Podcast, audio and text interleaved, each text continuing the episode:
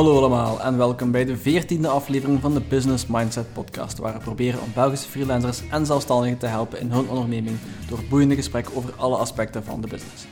In deze aflevering hebben we het over internationaal ondernemen. We bespreken daarbij zowel de logistieke als culturele moeilijkheden bij het benaderen van een nieuwe markt, als ook de boekhoudkundige processen die daarbij komen kijken. We voeren dit gesprek met Davy Loots en Bart Bales. Davy Loots leerde de kneepjes van het ondernemen kennen door zijn rol als CTO bij het bedrijf achter Mobile Vikings. Daarna richtte hij in 2016 met twee Franse partners een eigen technologie-startup op, dat softwaretechnologie ontwikkelde om holografes te vergaderen in virtual reality. Twee jaar geleden werd dit bedrijf verkocht aan een grote Amerikaanse speler en sinds kort werkt aan zijn eigen nieuwe ideeën. Bart Bales staat al sinds jaar en dag aan het hoofd van Brouwland, een uit de kluiten gewassen KMO die hij in 1987 overnam van zijn ouders. Met zijn onderneming levert hij machines, ingrediënten en accessoires voor bierbrouwers en wijnmakers, zowel voor hobbymatig als professioneel gebruik. Brouwland is al jaren actief in heel Europa in een multi-channel benadering en benadert sinds een paar jaar de Verenigde Staten met een lokaal verkoopskantoor. Voor meer informatie over zowel mijzelf als alle gasten kun je steeds terecht in de description van deze episode. Daar vind je ook nieuw een korte bio, als ook links naar de social media accounts waar je hen kan bereiken. Dat was het laatste van mij. Hope you enjoy the episode. Ik denk dat we even, uh, misschien eens even een, een, reset kunnen doen. ik heb niet, niet heel het gesprek mee gehad, maar goed, dat is, uh, dat is niet zo erg. Um, ik was even, uh, eerst en vooral eens beginnen, ehm, maar eens even te, te checken um, hoe dat nu zit met jullie allebei. Bart, jij bent, jij bent nu in hoeveel landen ben je nu actief met, met, met Brouwland? Brouwland is actief in meer dan 80 landen. Uh, dus wij verkopen onze producten om zelf bier te brouwen en wijn te maken wereldwijd. Maar de markt die we actief benaderen is Europa en uh, de US. Ja. En actief benaderen, dan bedoel je dan vooral het reclame mee maken en, en zo verder? Reclame maken, account management, uh, zorgen dat er een strategie is op social media, dat je eventueel een PR-agency aantrekt en zo verder. Oké. Okay. Uh, Davy, je bent nu op dit moment niet concreet met iets bezig, maar je hebt wel redelijk wat ervaring gehad in ook, ook verschillende landen natuurlijk, hè? Ja, uh, eigenlijk uh, eerst, nu dat, ik, nu dat ik het thema hoorde van de podcast internationalisatie, dacht ik van, ja, eigenlijk hebben we Mobile Vikings, en daar heb ik een groot deel van mijn carrière doorgebracht, hebben we ook pogingen gedaan om, om internationaal te gaan werken. die zijn niet altijd even goed verlopen als in België. Maar daarna heb ik inderdaad mijn eigen uh, kleine start-up gehad, een technologie-startup. Uh, die was eigenlijk vanaf het begin internationaal, aangezien mijn twee co-founders uh, uit Parijs kwamen. Dus dat was een, een Frans-Belgisch bedrijfje. en aangezien wij zo'n niche product hadden, of niche technologie, hebben wij eigenlijk enkel internationaal gewerkt daarmee. Ja. Het is wel grappig dat je Mobile Vikings aanhaalt, want Frank Bekkers ja, die is nog altijd bezig met Mobile Vikings in het buitenland. Dus, ja, Enig idee hoe dat gaat eigenlijk? Want ik, ik, weet dat hij daarmee bezig is, maar is dat, is dat, gaat dat? Lukt dat? Dat, dat, uh, ik denk dat dat steeds beter begint te lukken. In, in, uh, in Polen is hij nu, uh, nu ja. bezig met Mobile Vikings. Ja, hij, hij, hij, doet het ook gewoon heel graag. en dat helpt. Ja, sowieso. Ik denk wel dat je het graag moet blijven doen, anders dan houd je het niet vol. En zeker in een land als Polen, ik, ik ben daar eens geweest, dat is, dat is speciaal. Laten we het daarop houden, maar het is, uh, je, je, ziet daar, je ziet daar af en toe wel eens iets wat je hier niet, die, ja, niet kent. Gewoon. Ja, dus wel, ja. zijn we weer een klein beetje aan het afwijken van, uh, van, uh, van het originele punt, maar dat is niet erg. Zeg maar. Wat ik graag willen doen is uiteraard bij, bij iedere ondernemer een van de kerndingen. Hè. Ja je, als ondernemer realiseer je dingen omdat je het graag doet, omdat het je passie is. Hè? Ja, sowieso. Anders dan denk ik dat we er al, uh, al, al lang mee, uh, mee gestopt waren. Um, maar goed, even terugkomen tot het begin. Bart, jij bent wel Belgisch gestart, als ik het goed heb. Hè? Dus, dus jij, je ondernemer is stelselmatig gegroeid en, en uiteindelijk ben je dan bij, bij, uh, bij, bij internationale markt terechtgekomen. Um, hoe is dat eigenlijk verlopen voor jou? Dat is voor ons relatief organisch uh, gelopen. Wij zijn gegroeid uit een kleinhandel. Mijn vader uh, was apotheker en uh, was een actieve zelfstandige die een aantal handelszaken had. En in een van die handelszaken is hij begonnen om producten te verkopen om zelf wijn te maken en bier te brouwen. En hij was lid van een drogisterij aankoopgroepering. En daar vroegen zijn collega's van, kunnen we dat niet samen aankopen? Of kunt jij dat niet aan ons verkopen? En ja, commercieel talent als hij was, heeft hij dan gezegd, ja, dan zal ik maar groothandel spelen. En zo is hij eigenlijk begonnen met die producten uh, te verkopen aan zijn collega's uh. Ik spreek nu over de jaren 70, eind jaren 70, begin de jaren 80, denk ik.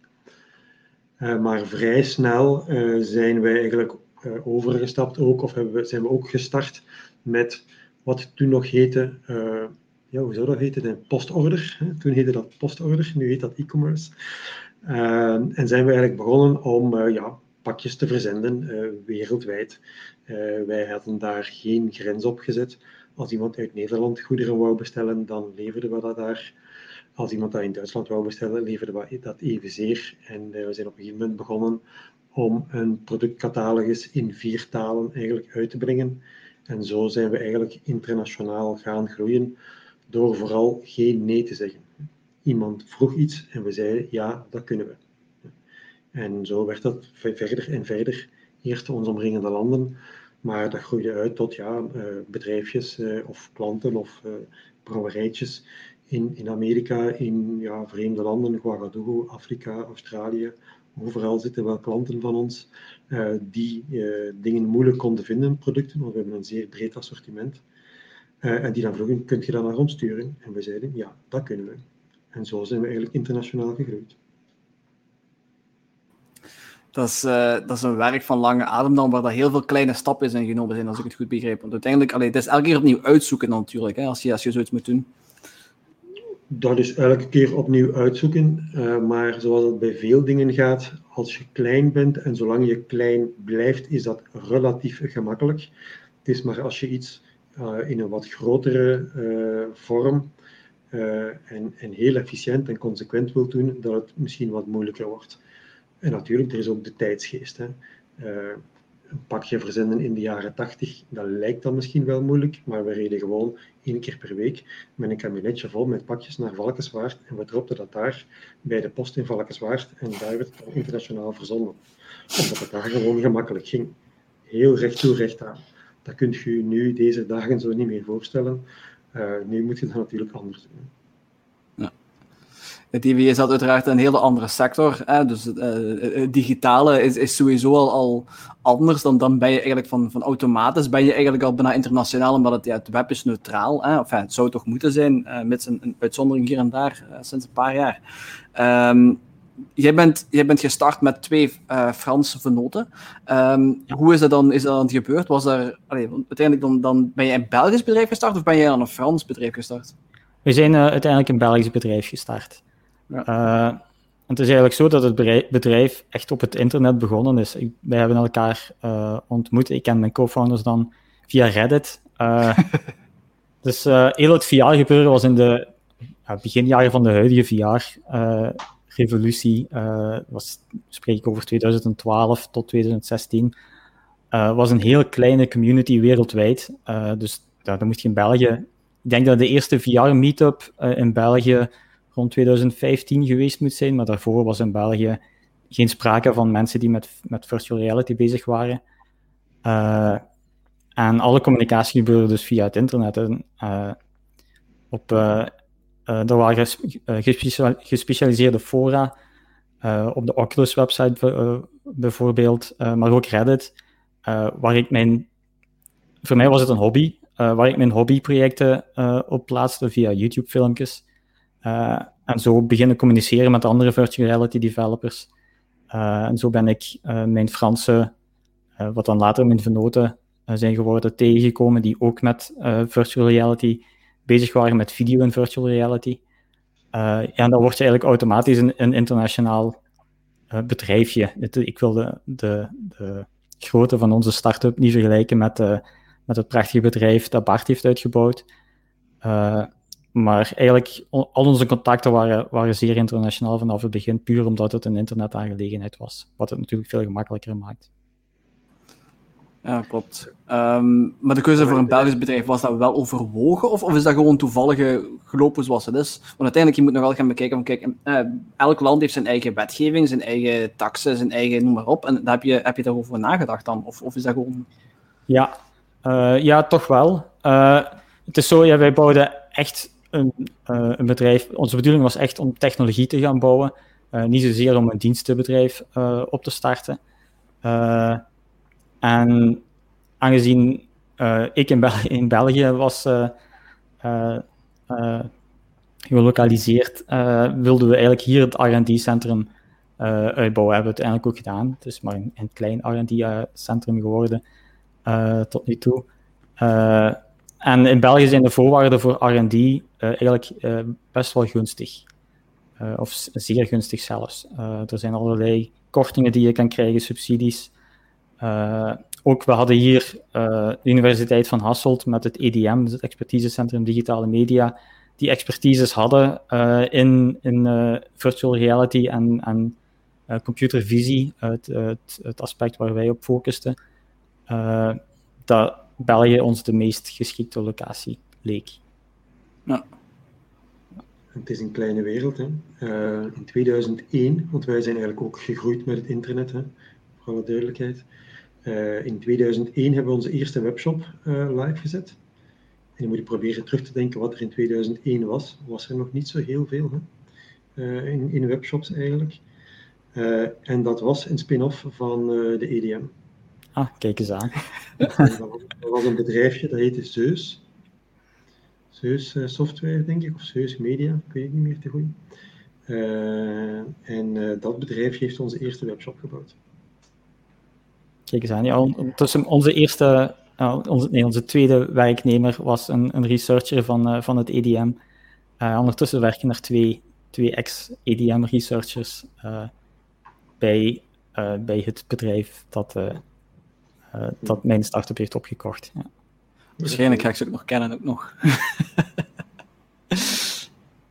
Wat lief? Waarschijnlijk ga ik ze nog kennen, ook nog. Ah, dat zou goed kunnen. Ja, ik zeg, ik zeg het, 2001 is, is net voor mijn tijd geweest, dus daar, eh, daar heb ik, ehm, daar heb ik eh, helaas niks over meegehad dan. Dus ik kan, ik kan niet zeggen hoe of wat, maar ja, ik, weet uiteraard Steven, uh, Steven ja. Maas, dus die, ja, die ken ik bijvoorbeeld dus wel. Ik weet niet of hij een van die twee is, maar goed, allee, ja, is overlap. Patrick Voort is, de, is de andere. ja, die ken ik helaas dan niet. Oké, goed, maar goed. Zo klein is de wereld dan toch weer niet. Um, het heeft uiteraard enorm bijgedragen aan de internationalisering van heel veel bedrijven. Hè. En dus ook bij ons. Hè. Eh, de wereld was ineens uh, uh, je als bedrijf, als je tenminste een meertalige website had, hè, Engelstalig of meertalig, mm -hmm. ja, staat de hele, hele wereld gewoon voor je open. Hè sowieso. En op dagvlakking denk ik dat België ook wel een heel goed, een heel goed land is. Uh, zeker omwille van het feit dat we tweetalig zijn. Drietalig als je, als je heel juist wilt zijn, uiteraard. Maar ja, de Duitsstalige gemeenschap is, is niet zo heel groot natuurlijk. Uh, ik denk dat dat op zich ook wel een, een voordeel is voor, voor ons als Belgeland. In principe door de, gewoon de, de landstalen te gebruiken die, die wij hebben. Uh, ga je eigenlijk al bijna uh, een derde van de wereld kunnen, kunnen, kunnen bespelen. En zeker in Europa, uh, toch een aantal heel grote, heel grote spelers die, die je daarmee kan, kan benaderen. Dus ik denk dat het ook wel, ook wel een meerwaarde is. Ja, twee, twee dingen spelen hier. Eén, het feit dat wij meertalig zijn. Dat kun je van Fransmannen en Duitsers niet zeggen. Die zijn eentalig Duits of eentalig Frans. En twee, het feit dat we een kleiner land zijn, waardoor we automatisch sneller naar het buitenland kijken. Heel veel Franse en Duitse bedrijfjes, en trouwens ook Amerikaanse bedrijfjes, eh, keken gewoon naar hun eigen land en hebben nooit naar het buitenland gekeken. Ja, maar dat is wel iets wat, wat nodig is, denk ik. Ik denk niet dat je als, als Belgisch bedrijf, als je echt wil groeien, dat je het kan maken om zelfs het buitenland te negeren. Je moet het bijna vanaf het begin al meecalculeren in, in, in je voorzieningen. Het hangt af van van uw markt of van uw sector. Hè. Ik ken genoeg bedrijven die heel groot zijn, die alleen in België actief zijn. Uiteraard, maar dan gaat het meestal om specifieke, uh, specifieke services en diensten. Dus ik denk als je als productbedrijf, zeker zoiets wat, wat jij doet, Bart, dan is het toch moeilijk, denk ik. Hè? Uh, ja, dus uiteraard is het buitenland groter dan België alleen. En is het dus gemakkelijker om te groeien. Uh, ene keer als je die, die switch hebt gemaakt van voor ons is het buitenland Nederland bijvoorbeeld is voor ons geen buitenland. We hebben het altijd bekeken als gewoon onze eigen markt. Uh, en dat heeft wel het feit dat we internationaal zijn gegaan vanaf bijna dag één, heeft ervoor gezorgd dat we een heel mooi groeiparcours hebben kunnen afleggen. Want als dan om een of andere reden uh, bijvoorbeeld de appeltjesoogst in, oogst in België of in Nederland uh, wat minder was, dan was het bierbrouwen in Duitsland wel even hip. En dus daardoor zijn we ook wel constanter kunnen groeien. Door op meerdere markten en meerdere segmenten actief te zijn. Dat uh, snap ik. Um, in welke mate hebben jullie uh, want als je in verschillende landen gaat werken, heb je ook te maken met verschillende regelgevingen, verschillende wetten en dergelijke. Uh, bijvoorbeeld Amerika is bijvoorbeeld heel specifiek als het gaat over alcohol. Uh, dat is iets waar, waar, waar Bart heel veel mee te maken heeft. VR weet ik uiteraard niet. Dat is zo een grijze zone. Uh, of, daar, of daar veel mee speelt, weet ik niet.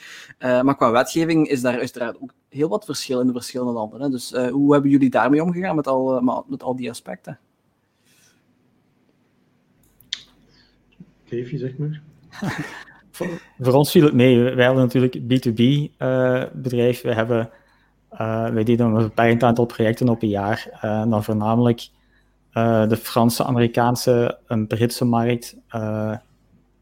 dat viel, qua regelgeving hebben we daar weinig problemen gehad. Het is juist de Amerikaanse markt je best uw advocaat bij alle contracten uh, betrekken.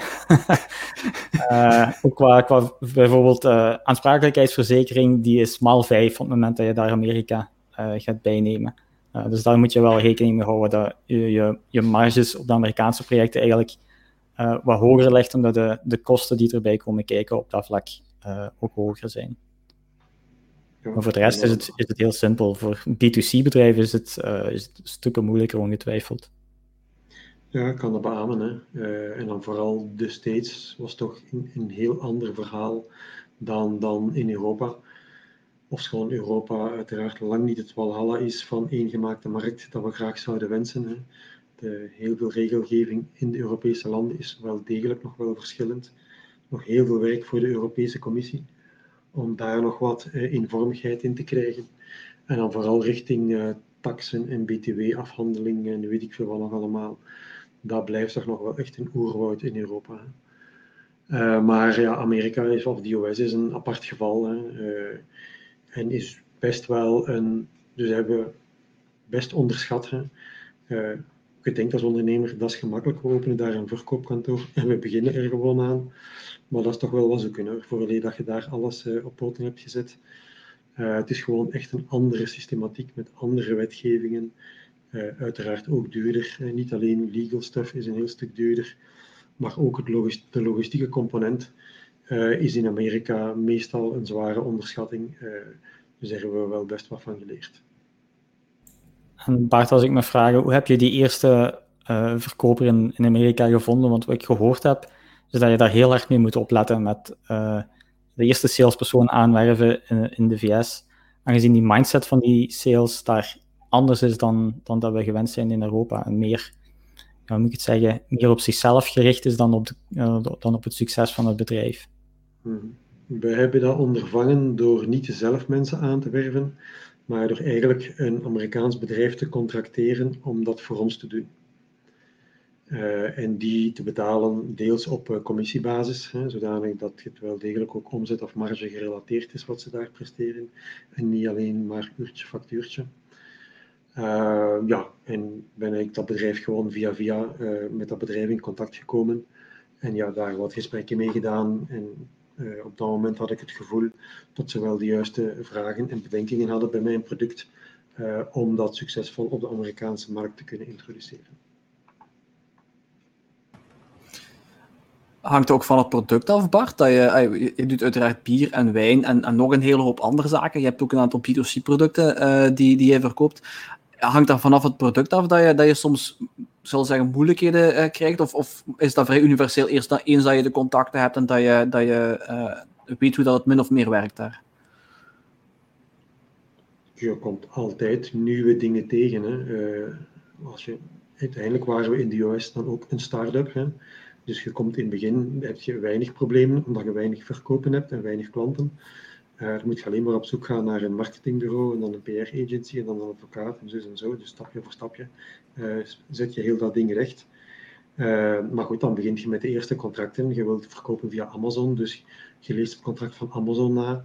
En dan staat bijvoorbeeld heel fijntjes vermeld. Als je op Amazon Seller Central wilt verkopen, dan geeft je je akkoord dat Amazon levenslang alle dingen die jij daarop zet mag houden. Alle content, alle pictures, alles, alle materiaal, dat geeft je gewoon levenslang geeft je aan Amazon.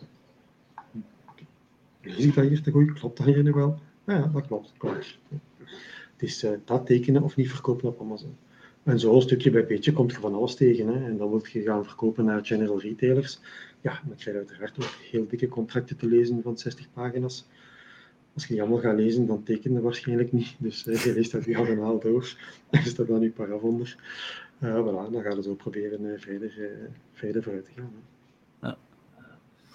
Ja, ik kan me voorstellen dat daar, dat daar redelijk wat gekke dingen uitkomen.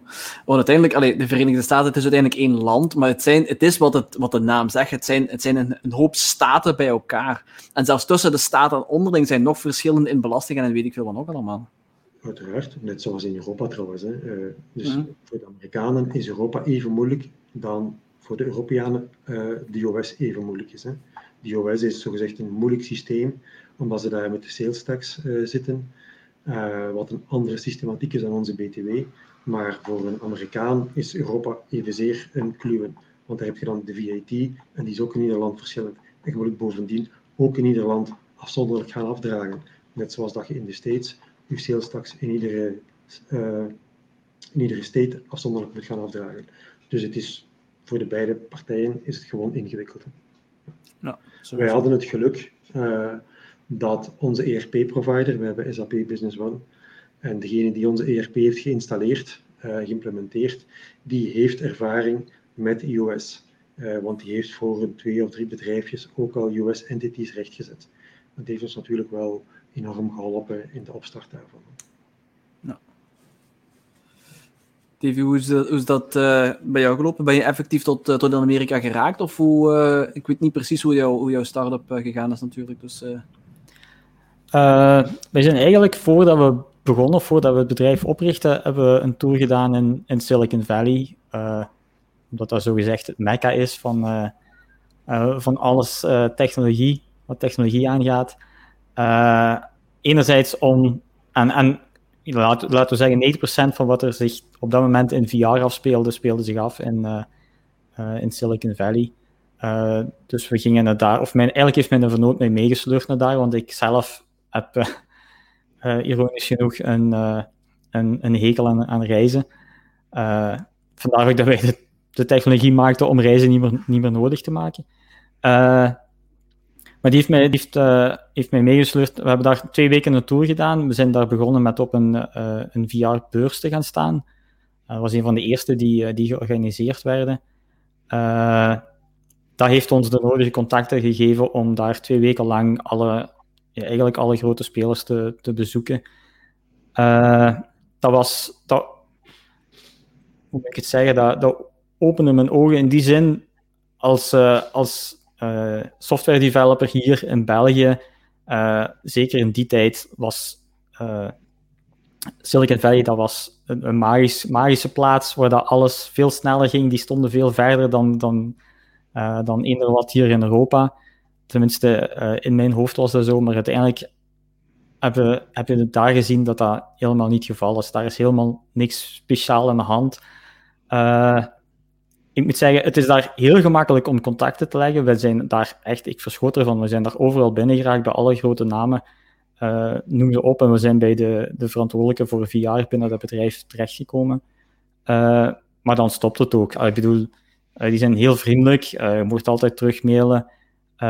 Maar als je dan kijkt wat ze daar ontwikkelen, dat was niks wereldschokkends. Ook de ideeën die daar zijn, waren niet, niet anders dan die, dan die hier in Europa tegenkwam. dus dat gaf mij eigenlijk zelfvertrouwen om, om, om te kunnen zeggen, ja, je hoeft helemaal niet in Silicon Valley te zitten om een, een succesvol technologie idee uit te bouwen. Uh, dus ik ben met een gerustheid teruggekomen uh, vandaar. We zijn dan uh, achteraf nog een paar keer terug geweest. Maar eerder om, om ideeën op te doen en om, om een beetje contacten te leggen. ja. ja, en uiteindelijk zijn we dan verkocht aan een, aan een Amerikaans bedrijf. Maar dat is geen, interessant genoeg geen bedrijf uit Silicon Valley.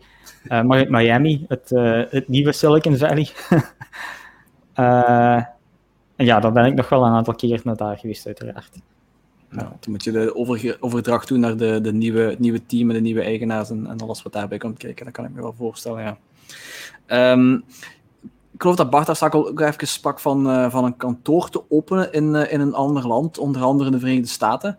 Um, ik vroeg mij eens af, vanaf welk hadden jullie het idee van, kijk, dat is nodig en, en waarom, waarom is dat zo bijzonder dat je, dat je voet aan wal hebt, zo gezegd? Het, we hebben het inderdaad, inderdaad nog een paar keer gezegd, we hebben het internet tegenwoordig. Um, we hebben e-mail, we hebben videocall en zo verder. In principe zou je een hele business kunnen runnen in Amerika vanuit, uh, vanuit uh, België of eender welk land. Dus waarom is een, een kantoor in een land als de United zo belangrijk voor een onderneming? Omdat besturen van op afstand helemaal geen evidentie is. Hè? los van het tijdsverschil.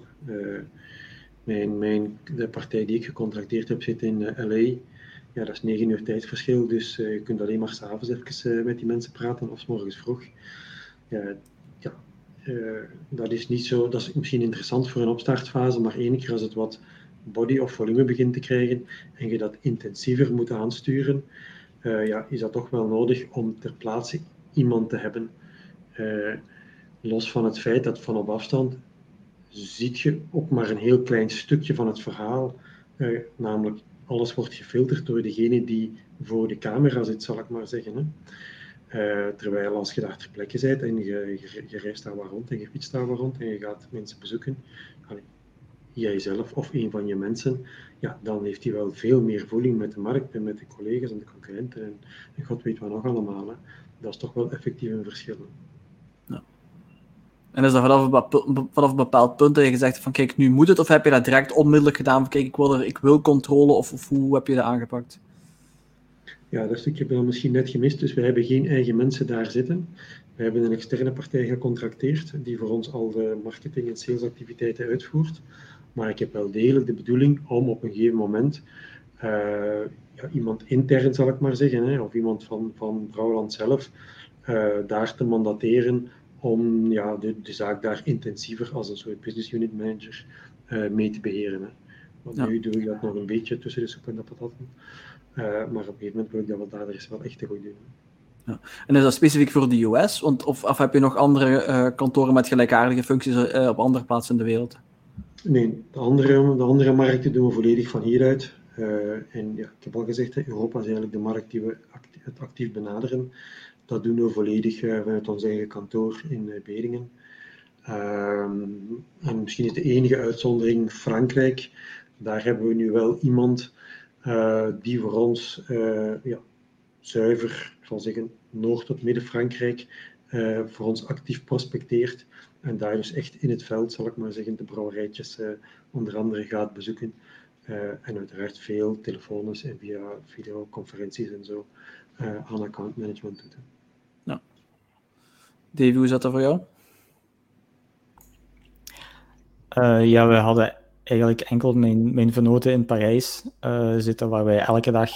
Dus wij bouwden, wij bouwden uh, software en toepassing om te vergaderen in virtual reality en die gebruikten wij zelf elke dag tussen, tussen Parijs en Hasselt. En, de, en ja, dus mijn vernoot was, had de CEO-rol, die had eigenlijk de commerciële al, het commerciële en dan de rest van de, eigenlijk enkel ontwikkeling was, of is, zit hier. en dat ging eigenlijk voor de dagdagelijkse dingen heel goed. het is juist het enige dat je mist, zijn die, die gesprekken aan de toog of aan het koffieautomaat. Dus je moet goed opletten als je met vernoten zit die fysiek verwijderd uit elkaar zitten dat je de big picture uh, regelmatig nog bespreekt, dat je dezelfde visie blijft houden. Je ziet ook allebei, hij had de commerciële, en omgekeerd langs, langs twee kanten eigenlijk. hij, hij had minder gevoel met de ontwikkeling en ik had minder gevoel soms met hetgene dat zich bij de, bij de prospects afspeelde. dus dat is wel een, toch wel een nadeel van die structuur waarbij dat delen van het, het, management, om het zo te zeggen, uh, fysiek gescheiden zijn. Ja. Heb je ook uh, developers ooit remote gehad, of is dat allemaal in België gebleven bij jullie? In het begin, de, de derde vernoot was een, een, een, developer die zat nog in Parijs. Dat was eigenlijk een freelance developer die, die vanaf bij het begin betrokken is geweest. die deed voornamelijk mee de, de klant, klantspecifieke projecten. Dus wij bouwen eigenlijk technologie die dat we dan in verschillende projecten toepasten voor, voor klanten. En er, er moesten dus vaak wel kleine wijzigingen aangebracht worden, specifiek voor dat project. En die werden dan door die uh, extra developer in Frankrijk gedaan, maar voor de rest gebeurde alle product development uh, enkel in België. Ja. Dat is ook een bewuste keuze geweest, veronderstel ik, om alles een beetje onder controle te houden. Ja, ook, dat is ook een beetje eigen aan mijn, uh, mijn managementstijl, namelijk de is geen stijl. het is nogal chaotisch.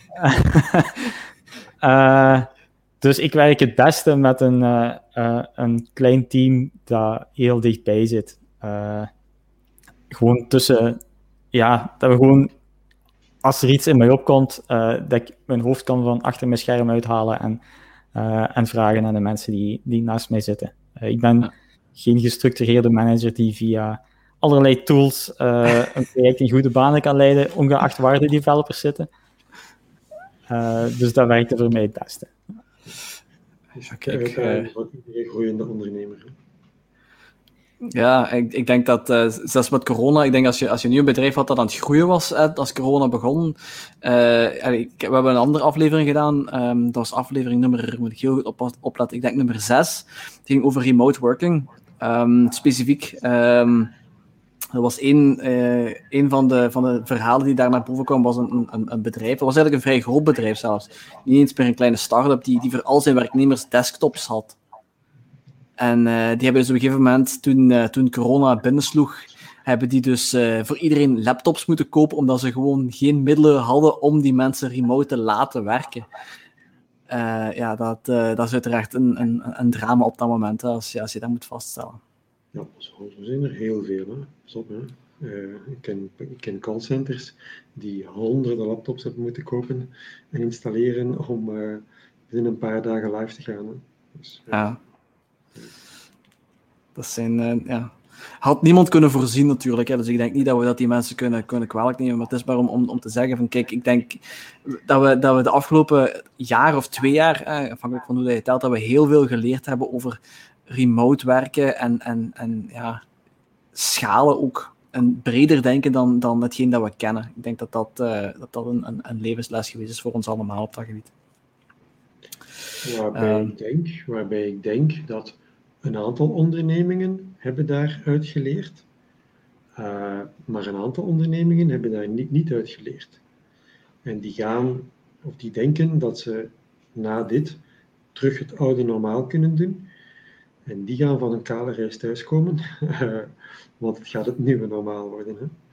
Uh, ja. gaat voor veel KMO's gaat het een uitdaging worden om op te boksen tegen de grotere bedrijven. Dat was in het verleden al zo. En dan was dat vooral eigenlijk loon- of arbeidsvoorwaarden gerelateerd, lees loon gerelateerd. Daar komt nu één stukje bij, namelijk arbeidsvoorwaarden. Hoeveel dagen per week mag ik van thuis uit eh, werken, beste KMO'er? En daar gaan heel veel KMO-bedrijven toch nog wel aardig verschieten. Hè? Bij de grote bedrijven uh, zijn nu al cao's afgesloten uh, dat men vrijelijk tot 40 à 60 procent van thuis uit kan werken. Hè? Ja, ik, uh, ik werk nu ook vooral voor een klein bedrijf, dus ik kan niet daarover meespreken, maar ik, ja. ben, ik ben curieus hoe het gaat lopen. Hè? Dus maar ik weet niet of het, zo, of het zo'n mooie verdeling gaat zijn tussen KMO, uh, eh, moeilijkheden en, en grote bedrijven, dat, dat, dat je daar dan meer kan. Ik denk dat het ook heel hard afhangt van het bedrijf zelf, waar, dat je, waar dat je in terecht komt. Het heeft uh, voor, ik denk voor grote bedrijven of internationale bedrijven misschien wel uh, positieve kanten gehad ook. Als ik naar onszelf kijk, we waren een, een Belgisch satellietkantoor van een Amerikaans bedrijf. Als wij een vergadering hadden met een uh, met onze Amerikaanse collega's, dan stonden wij daar op een, op een scherm uh, tegen de muur van de, van de vergaderzaal, uh, wat het eigenlijk een asymmetrische vorm van vergaderen is, waarbij de mensen die ter plaatse in Amerika rond de tafel zitten veel gemakkelijker niet kunnen communiceren dan via dat scherm dat aan de, aan de muur hangt en die altijd slechte kwaliteit, om een of andere reden, microfoon die daar in het midden van de tafel staat. Terwijl nu, sinds corona, in Amerika denk ik nog veel meer dan hier, is iedereen meteen thuis beginnen werken. en is het iedereen achter, achter zijn computer en, en leren, leert je. Het is misschien vermoeiender dan in, in persoon vergaderen, maar het maakt het wel ja, symmetrisch. Ik heb geen ander woord. iedereen iedereen wordt, wordt, is even verstaanbaar dan, dan elke andere persoon in de vergaderingen. Dus het maakte plots minder uit dat wij een satellietkantoor in België waren. het was alsof wij eigenlijk in dezelfde straat wonen als, uh, als onze Amerikaanse collega's. Ja. Maar als ik het goed begrijp, dan. Want, we zijn even een paar stappen overgeslagen, maar, maar, dat is geen probleem. Jullie hebben zelf geen kantoor gehad in Amerika, maar jij bent wel satellietkantoor geworden eens dat de overname dan er gekomen is. Dan. Ja, ja, ja dus we, de mensen hier zijn gehouden. De, we, hebben, wij hebben gewoon ons ding verder kunnen doen.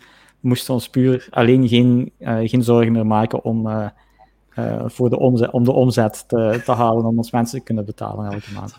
Maar dan ben je ook geen Belgisch bedrijf meer dan? Nu is het effectief een Amerikaans bedrijf. Het is, een, Belgische... het is nog altijd een Belgisch bedrijf, maar het is een dochteronderneming geworden van een, uh, van een Amerikaans bedrijf. Oké. Okay. Daar komt ook heel wat bekijken, veronderstel ik. Maar dat is, dan gaan we misschien net iets te technisch worden om te kijken hoe dat, uh, hoe dat juist werkt. Niks leuk als een due diligence. Sorry, zeg ik nog eens wat? Niks zo leuk als in due diligence. ja, kijk, we gaan hier niemand in de problemen brengen. Ik denk niet dat dat... Uh... dat is misschien nog het veiligste. dat was een ervaring. Ça nee, dat neem ik helemaal aan. Um, wat ik nog wilde vragen is, uh, merk je ook een verschil in cultuur tussen de mensen waarmee dat je omgaat? Want op zich, allee, mensen in Amerika, ik, ik heb het ook even besproken met, uh, met Geert Hoube, uh, eh, gaat hem ook kennen, denk ik. Ja. Uh, Bart weet ik niet, dus verbeter me als ik voor ben. Ehm, maar hij zei bijvoorbeeld dat, dat, dat de cultuur in Amerika, de mentaliteit, de persoon, hoe dat zij omgaan met hun werk, dat dat heel anders is. Um, dus als ik vraag me af, als je, als je dan nieuwe markten benadert, is dat soms ook moeilijk om dan die, die ja, te krijgen. Want soms kan het heel ver gaan. Hè? Bijvoorbeeld de, kleur wit in Japan is de, is, is de rouwkleur, net zoals wij hier uh, zwart hebben. Om er iets, om er iets heel, heel gek te zeggen. Uh, heb je daar verschillen gemerkt met als, je, als je mensen benadert of als je producten op de markt probeert te zetten? Ja, die verschillen zie je zeker. Hè? Maar niet alleen met de verder weglanden, ook met de ons omringende landen zie je die cultuurverschillen. Hè? Een Duitser uh, kan veel, in ieder geval degene die ik ken, kunnen niet zo goed om met humor uh, dan, uh, dan, bijvoorbeeld de Vlamingen. Of, en Nederlanders zijn dan weer veel assertiever. en Fransen zijn dan weer veel chauvinistischer. We kennen het verhaal allemaal. dus die cultuurverschillen die spelen ook echt wel dichter bij huis. Hè. En dan moet je inderdaad. alleen denk ik dat we inderdaad bij de, ons omringende landen ons daar wat makkelijker iets mee kunnen voorstellen. Uh, omdat we er hier en daar al wel iets, iets over gehoord hebben. En ga dan naar, naar de States, ja, dan zegt iedereen, oh, that's great, and it's fantastic, and wow, and it's big, and whatever. Ja, maar goed, dat is, een, dat is het taalgebruik dat je dan leert uh, ja, te vertalen naar uw Vlaamse of naar onze Belgische normen, zal ik maar zeggen. Ik denk dat je dat kan beamen in die. Ja, absoluut. Uh, absoluut. Ja, ik heb, hebben maar, ik heb maar ervaring met een beperkt aantal landen. Maar, maar ja, de landen die je daar net noemt, uh, absoluut. Uh, Frankrijk moet je alles dubbel checken of het alles wel gebeurt wat ze zeggen dat gebeurd is. En is, het, is de cultuur inderdaad laissez-faire. Uh, we zien wel, Amerika is daar is, is toch wel harder ook, veel strikter. alles op de letter. veel meer dan, dan, dan Europees, heb ik het gevoel. Ja, dat is ook zo. Ja, dat kan ik beamen. Ja in, in, in Europa kun je, of in Vlaanderen, gaan we zo wel een keer de pragmatische weg op. In Amerika niet. Hè. That way and no other way. Ja.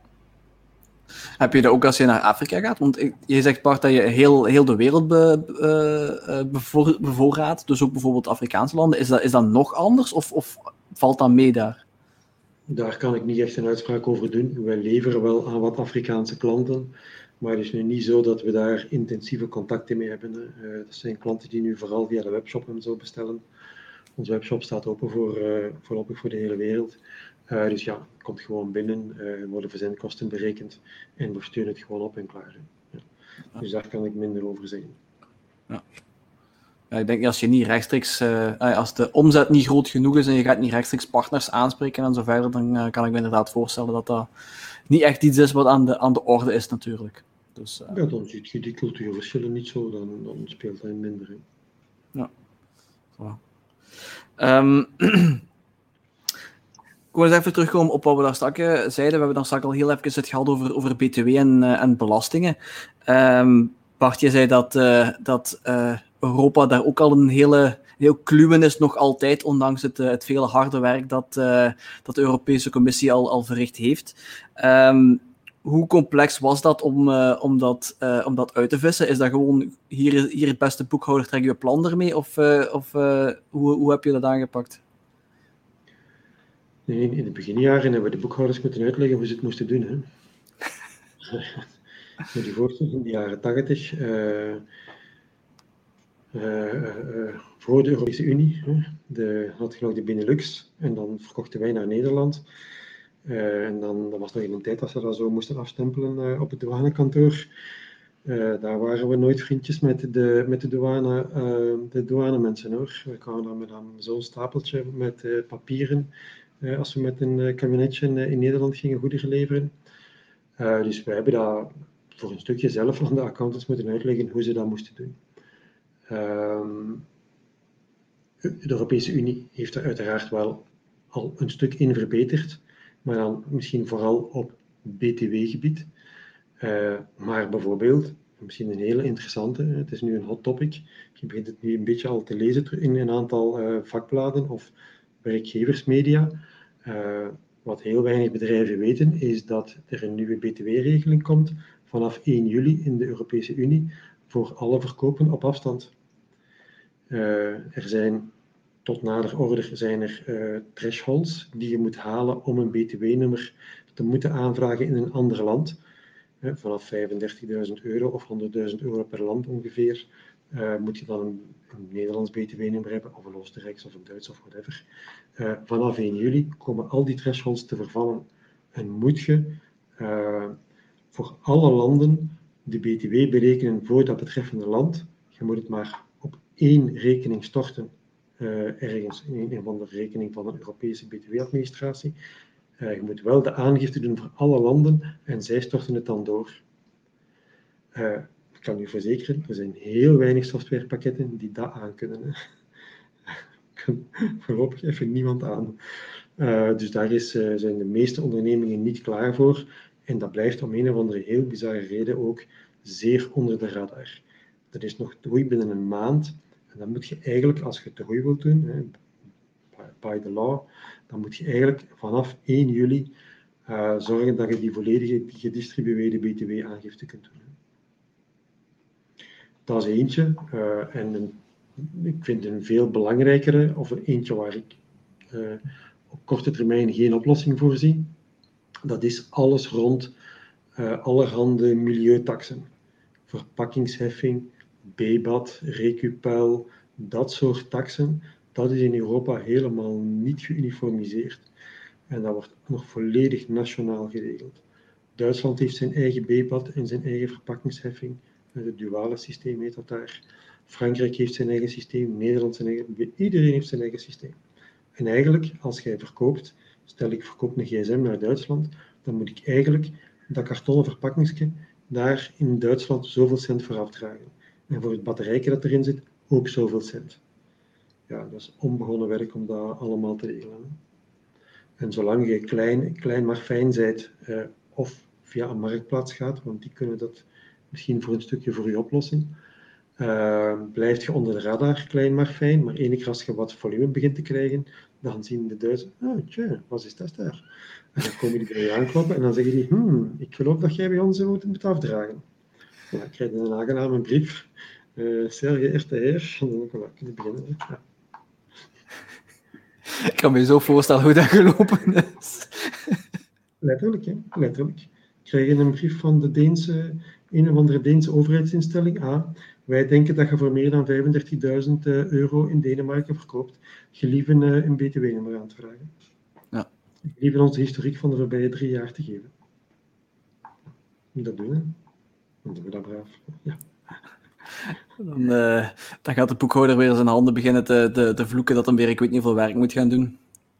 Ja, op een duur zijn nu ERP-pakketten daarop afgestemd. Ja, uiteraard.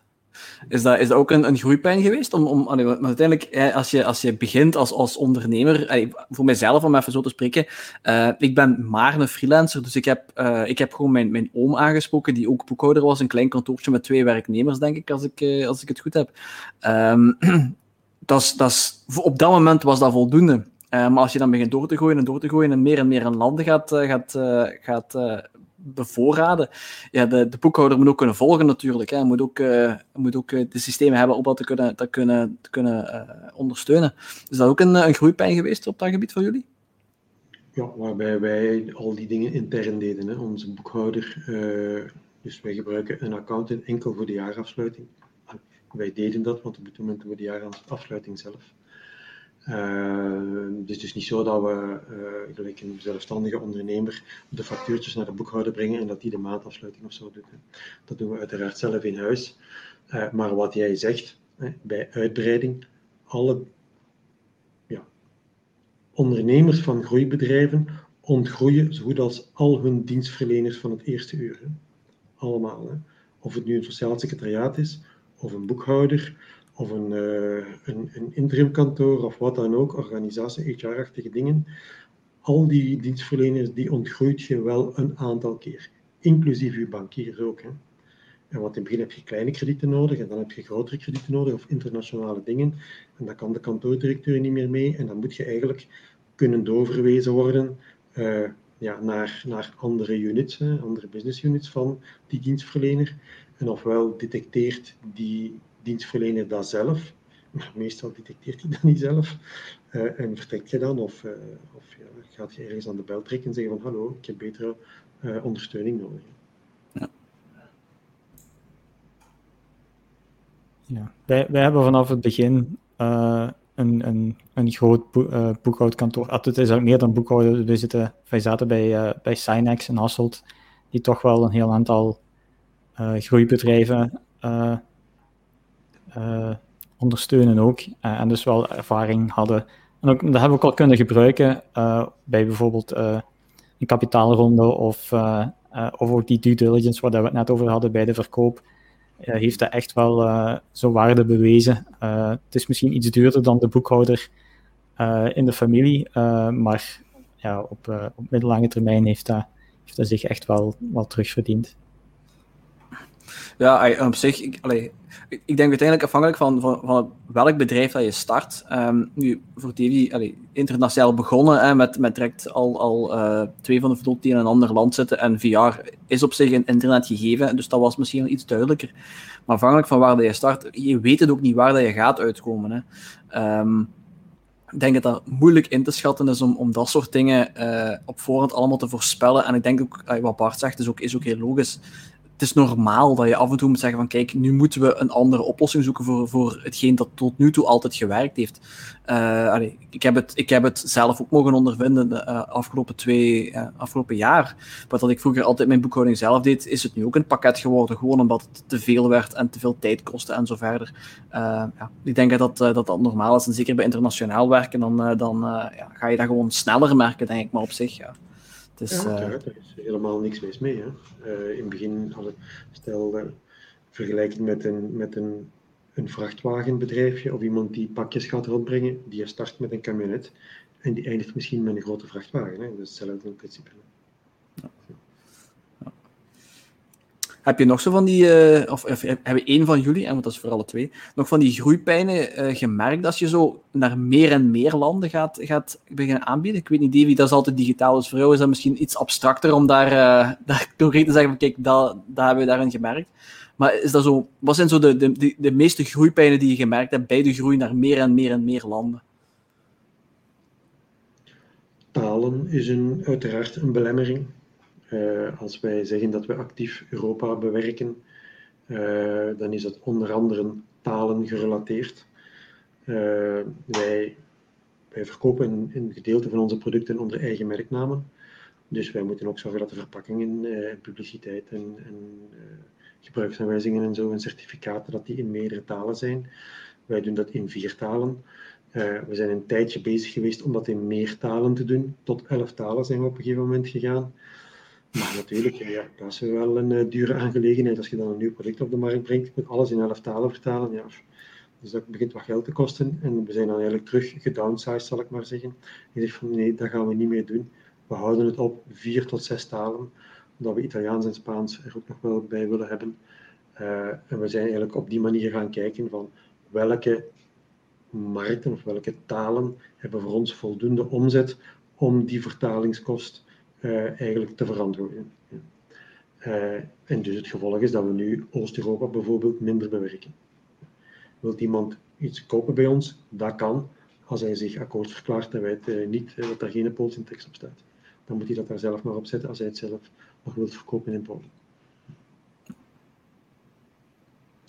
Dus talen is denk ik een belangrijke, is wat echt groei, groei belemmert. Dat is een van de voordelen dan van de. Hè. Als je daar een product met een Engelse verpakking doet, ja, is je bereiken 300 miljoen uh, klanten of uh, inwoners. Ja, in België, als je een Nederlandse verpakking hebt, of in Vlaanderen, als je een Nederlandse verpakking hebt, dan zijn er 2, 15 en 6, 21 miljoen. Hè. Dat is dan nu potentieel eigenlijk. Hè. Dus dat is natuurlijk wel een competitief nadeel op dat gebied. Ja. En ik weet niet, of jij daar nog uh, dingen... Sorry, zeg maar, Bart. Nee, zeg maar, Davy. Ja. ja, om daarop in te pikken, of voor ons was qua, qua business doen, was alles was Engels de voertaal. Uh, uiteindelijk, we hebben, technisch hebben we wel wat uitdagingen gehad, omdat we op een gegeven moment de vraag kregen om, het, om onze toepassingen naar het Japans te vertalen. Op het moment dat je het zelf niet meer kan lezen, wordt het moeilijk. dat hebben we uiteindelijk niet gedaan. nee, nee, dit is, een, dit is een hele goeie. Dit is een hele goeie. Uh, want zolang dat je iets kunt laten vertalen naar een taal die je zelf nog voor een stukje begrijpt, kun je het ook nog wat controleren. Maar wij verkopen, uh, wij verkopen ook uh, af en toe in Japan. en we hebben eigenlijk ook dezelfde vraag gekregen. Kunt je het vertalen? Kunt je een Japanse, kunt je een Japanse verpakking maken? Je kunt dat wel aan een vertaalbureau geven, maar je hebt geen, geen flauw idee of die daar hoegenaamd iets van bakt. En je hebt dikwijls vrij specifieke termen. Je kunt het gewoon niet controleren. Er kan gewoon crap op staan. Je weet het gewoon niet. Dat is een, uitdaging. Ja, kan ik me voorstellen. Ik weet, de, de, de klant waar ik voor werk is een, uh, is een Belgisch bedrijf, waar dat er gewoon vertaald moet worden naar het Frans. En dat is een, een, een callcenter waar dat er Franstalige en, Nederlandstalige agents zitten te bellen. En zelfs die hebben al vaak enorm veel commentaar.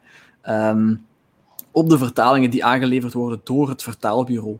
Uh, dus om maar te zeggen, uh, ja, ik kan me perfect voorstellen dat als je dan in een keer zoiets voor je krijgt, en zij het Arabisch of zij het Japans of, of ja, eender welke taal, het is, het is gewoon ja, enorm, enorm moeilijk om daar vat op te krijgen wat, uh, wat daar precies gaande is. In die... Ja, ja helemaal waar. Taalfouten kunnen gevoelig liggen bij, bij klanten. in, in België bijvoorbeeld alleen al. Hè? Ja, dat is, uh, dat is helemaal waar.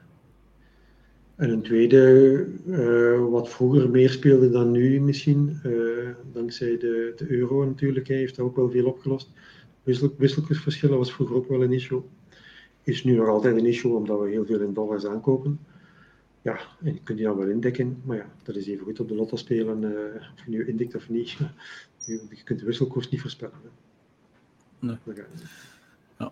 Heb je ooit, uh, ben je zover al Bart dat je productie doet in een, uh, in een ander land, dat je, dat je daar ook rekening mee moet houden? We hebben geen eigen productie, we laten wel goederen produceren. Hè. We, we, kopen een deel in China aan en ook in de States. Daar laten we goederen produceren en assembleren, uh, maar we hebben daar geen eigen productievestiging of zo. Nee. Is dat iets wat, wat op dit moment nodig is? Want in principe internationaal ondernemen, je kan ik kan het zien als verkopen internationaal, maar inderdaad aankopen is ook een, een belangrijk aspect daarvan. Uh, China is daar een heel, uh, heel gekend voorbeeld van, van uh, lage kosten en, zo verder. Is dat iets wat, wat noodzakelijk is om, om competitief te zijn, of is dat gewoon omdat het effectief beter is daar dat je dat, je dat doet? Het is beide. Het is noodzakelijk om competitief te zijn. en ja, dikwijls al is er wordt al eens de boetade gebruikt dat er vanuit China alleen maar rommel komt. Uh, maar ik wil eraan herinneren dat uw iPhone ook in China gemaakt is. Hè? Dus nee, daar komt geen rommel uit. Hè. Uh, als je dat te goed doet en je neemt de juiste partners en je zorgt dat, de processen daar te goed in elkaar steken, dan komen daar zeer goede producten uit. Hè. Heel veel, heel veel productontwikkelingen gebeuren gewoon sneller in China dan, uh, dan in Europa of in Amerika.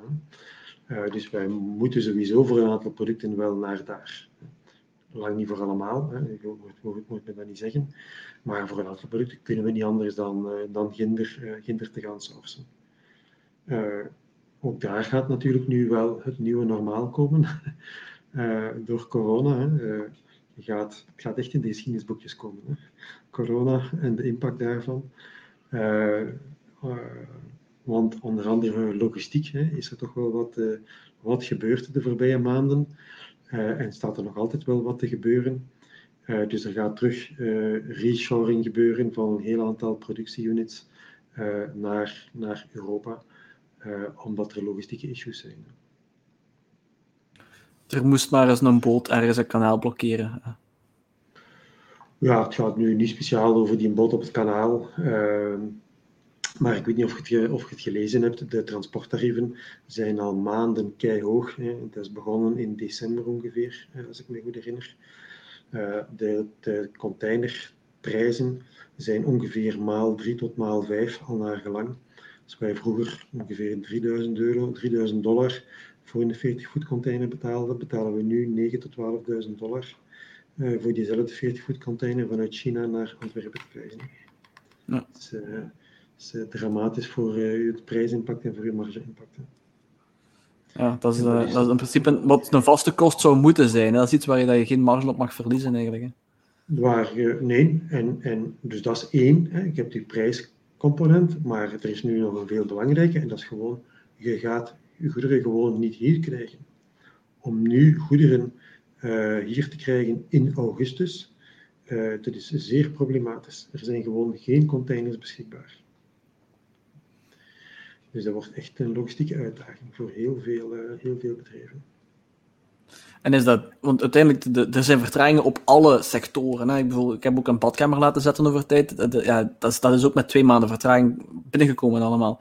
Is dat puur de, de, de, de logistiek die het niet aan kan, of zijn de, de resources en de productiecapaciteiten gewoon niet beschikbaar? Waar, waar ligt het probleem juist? Kan ik niet helemaal op antwoorden. Er zijn natuurlijk wel wat ondernemers die ook corona als excuus gebruiken. die, gewoon, die het gewoon te druk hebben en dan maar zeggen dat het op corona ligt. Uh, ik denk dat er wel productiecapaciteit is, maar ik denk dat er een grondstoffentekort is, omdat veel van de grondstoffen natuurlijk van de verder weglanden komen en er dus een, ook wel een issue is om die grondstoffen hier te krijgen. Ja, een beetje van, van alle twee eigenlijk dan. Ja, ik denk het, ja. Maar ik ben niet de gereden partij om daar het juiste antwoord te Nee, het was eerder een curiositeit, omdat dat... Allee, ik heb het inderdaad al vaak gemerkt, en dat we het er toch even uh, over hadden, uh, dacht ik van, kijk, dan vraag ik wel even door. Um, ja, oké. Okay. Um, ja, Davy, je hebt uiteraard weinig, uh, weinig goederen moeten laten leveren voor, voor, om, om om, om jouw start-up te doen. Um, maar hoe zit het met de... Sorry? Dan is software heel gemakkelijk. Ja, software op dat gebied. De een is, uh, is, is ongeveer over de hele wereld is hetzelfde en een nul ook. Uh, dan, uh, dan, zijn we, dan zijn we vrij goed, goed uitgebraad. wat voor jou wel interessant was, is, is regelgeving rond data. Want dat is ook zoiets heel speciaals. Afhankelijk van, van waar dat je zit, de data moeten op bepaalde plaatsen beheerd worden. Ook regelgeving en norming, normen en, en, en regelgeving verandert daar omtrent. is dat iets waar dat jij groeipijn voor gehad hebt of miserie mee gehad hebt? Of, uh, valt nog mee omdat wij uh, doorgaans onze technologie weinig data opsloeg. Wij hadden geen nood om, uh, om data op te slaan. En ik had het geluk dat een van, van mijn collega's, die was altijd hobby privacy en security en heel het GDPR-verhaal, die vond dat boeiend. kan er niet bij, maar dus die, die nam al die, die vragen met plezier op zich. Ja. Uh, maar het is wel een, een, bezorgdheid als je met klanten werkt in het algemeen, en zeker de grote, uh, grote corporate klanten. Uh, en dat hadden we ook, hebben we ook gemerkt, een, een POC, een proof of concept project opzetten, gaat meestal via binnenweegjes binnen een organisatie met rechtstreeks met de innovatieafdeling. Op het moment dat je dan een, een deployment moet doen waarbij dan meer, meer departementen te gaan komen te kijken, dan gaat er een heel proces van start rond security, data, informatiesecurity en zo verder. dat is voor een kleine start-up heel kostelijk, omdat er heel veel tijd in kruipt. En het vergroot ook enorm de doorlooptijd van projecten. Ik denk dat we daar, dat hebben we onderschat, denk ik. Maar dat is misschien, nu gaan we een beetje off-topic. Maar ja, uiteindelijk hebben we veel tijd verloren met grote projecten najagen bij grote, bij grote bedrijven, die dan vast komen te zitten in bureaucratie. bij of bureaucratie. Ja, de, de, de projectflow voor dat soort projecten, die duurt nu eenmaal maanden en maanden om door alle partijen te laten inspecteren. En dat was dus geen goede bron van, of geen stabiele bron van, van inkomsten voor, voor een start-up. of je moet incalculeren dat je daar een jaar lang tijd in steekt voordat daar een project effectief van start kan gaan. Ja, dus dat me wel voorstellen, ja. En deden jullie die, dus al die security checks en zo, deden jullie dat intern of huurden jullie daar externe partijen voor in? Nee, dat, dat deden we intern. Ja, ja. Uh, het is, ja, zoals jij, mijn collega, die, we waren een, een heel klein team. die collega, Olivier, die bouwde de backend quasi alleen, dus die kende het systeem door en door. Had dan nog als, als, als hobby of als passie security en kon dus eigenlijk op alle auditvragen wel, wel redelijk snel antwoorden. Het is misschien nog een niche om, om, om, om zich in te verdiepen dan, want dat is iets wat, wat heel veel gevraagd is, denk ik, tegenwoordig. Zeker. als het zoiets was, als ik, als ik Olivier niet had gehad en het was zoiets geweest als, als boekhouding of legal advice en we konden het uitbesteden direct, ik denk dat daar nog een markt voor is, ja.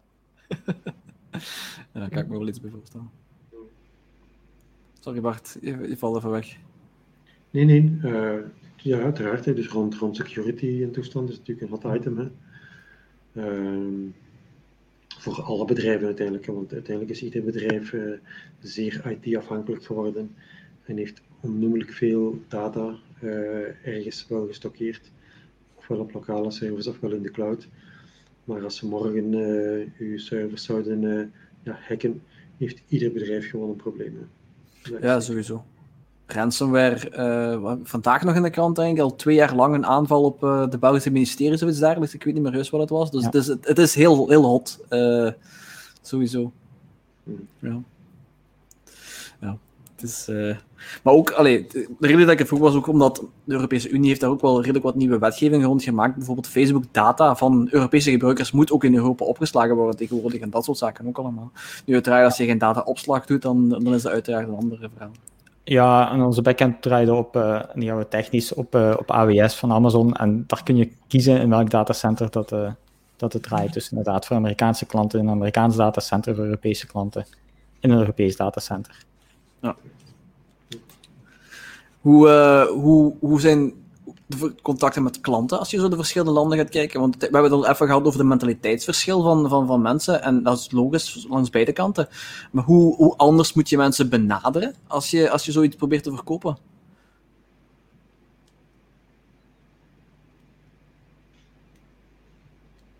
Ik weet niet of ik daar direct uh, een leuk antwoord op kan verzinnen. uh, de, de, de markt van het thuisbrouwen en de craft brewing is per definitie al een vrij informele markt. Uh, dus je moet daar niet met, uh, met een tas en een pak en zo aankomen. Dus die contacten die kunnen wel allemaal vrij vlot gelegd worden.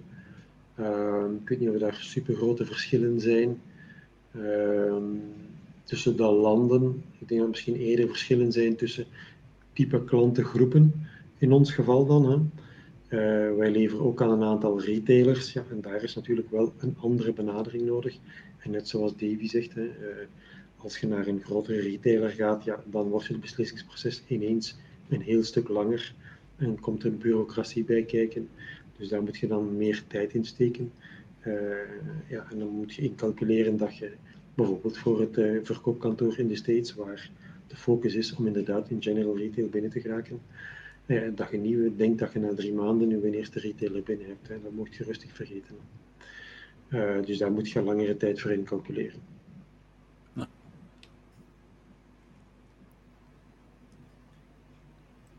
Ik weet niet of je nog iets wil toevoegen daaraan? Of, uh...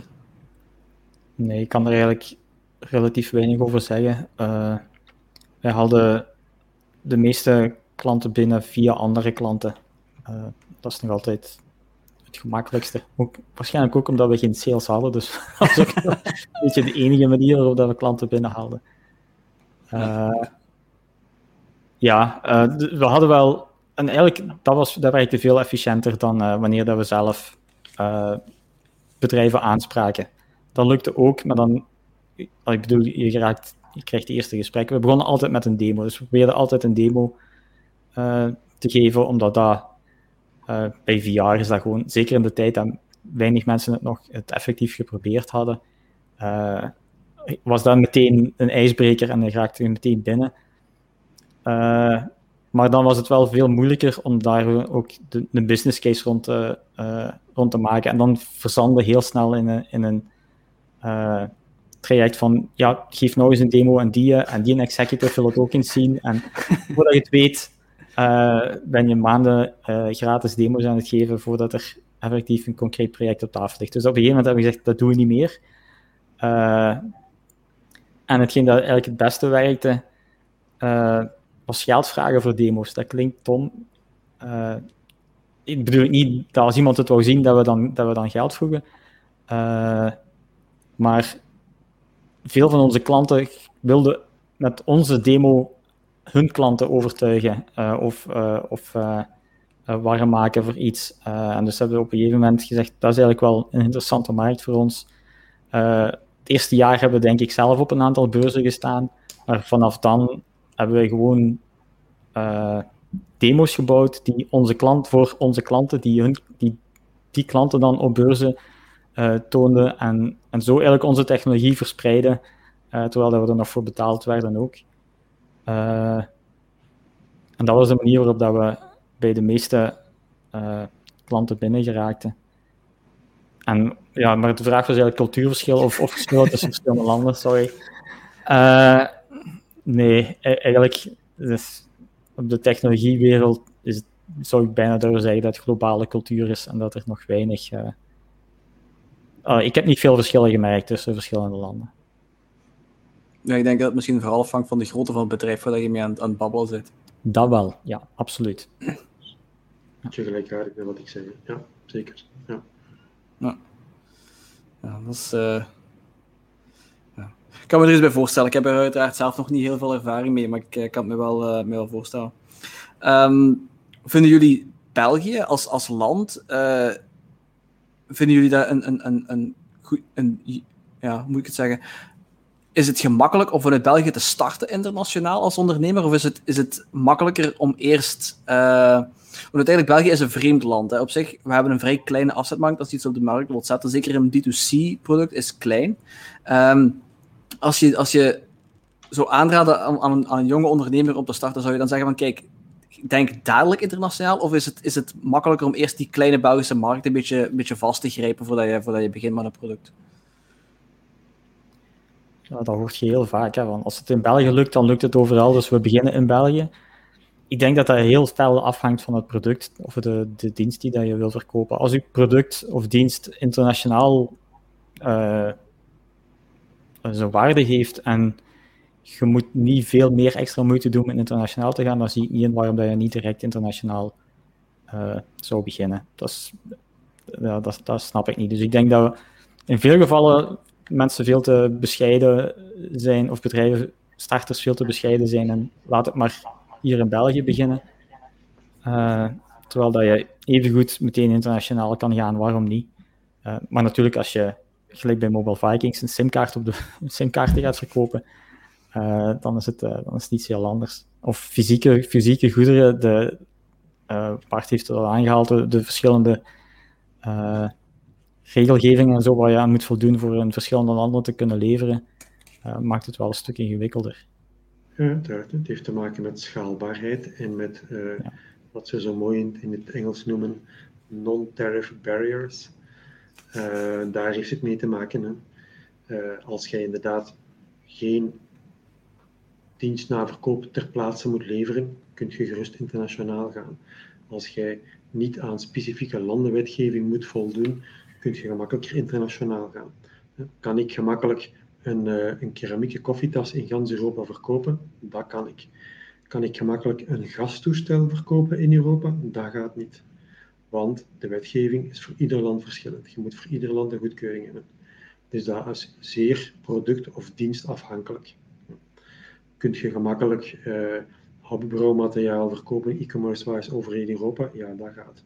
Kunt je gemakkelijk een brouwinstallatie gaan installeren bij een brouwerij over heel Europa?